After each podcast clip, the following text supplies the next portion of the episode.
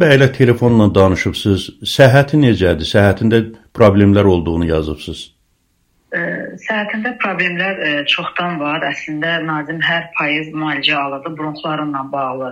Ə, yəni bu bu ildəki təəssüf ki, müalicə də olunmadı. Ə, həbs olmamışdan qabaq ürəyində ə, blokada var idi, aşkar olunmuşdu. Həkim demişdi, hələ ki belə bir ciddi qorxulu heç nə yoxdur, amma dünən exo, bir də EKG eləyiblər. Həkim deyir ki, artıq ikinci ə, mərhələyə keçib ə, ciddi müalicə lazımdır. Ondan qabaq da telefonla danışanda dedi ki, da, təzyiqim olur, yüksək olur və başında səs var. Yəni heç vaxt bu əlamətlər olmayıb Nazimdə.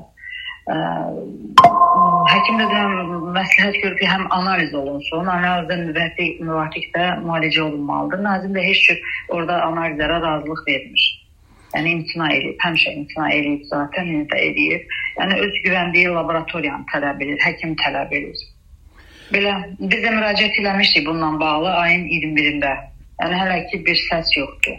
Yəni ombudsmana müraciət etdiniz. Yəni, ciddidir. Bəli, rəy, bəli, ombudsmana müraciət olundu. Mən burada Facebookda paylaşmışam. Sadəcə olaraq e, heç bir səs yoxdur. E, yəni Nazimin səhhətində ki, yəni problem doğrudan da ciddidir. Hər an hər, hər nəsə ola bilər. Mən ondan narahatam. Yəni bu elə belə bir şey deyil və bu ürək damarlarının impulsiv blokadası deməkdir ki, ürək, ürək da, qan damarlarından yaxşı qidalanmır. Yəni ola bilər əsəb sistemi də biraz buna kömək eləyir, tətikləyir. Yəni hər halda bunu həkim deməlidir. Mən həkim deyiləm. Həkimlər artıq müalicə yazmalılar. Zaten orada e, o qədər də keyfiyyətli, yəni deyirəm, xidmət yoxdur tibbi olaraq.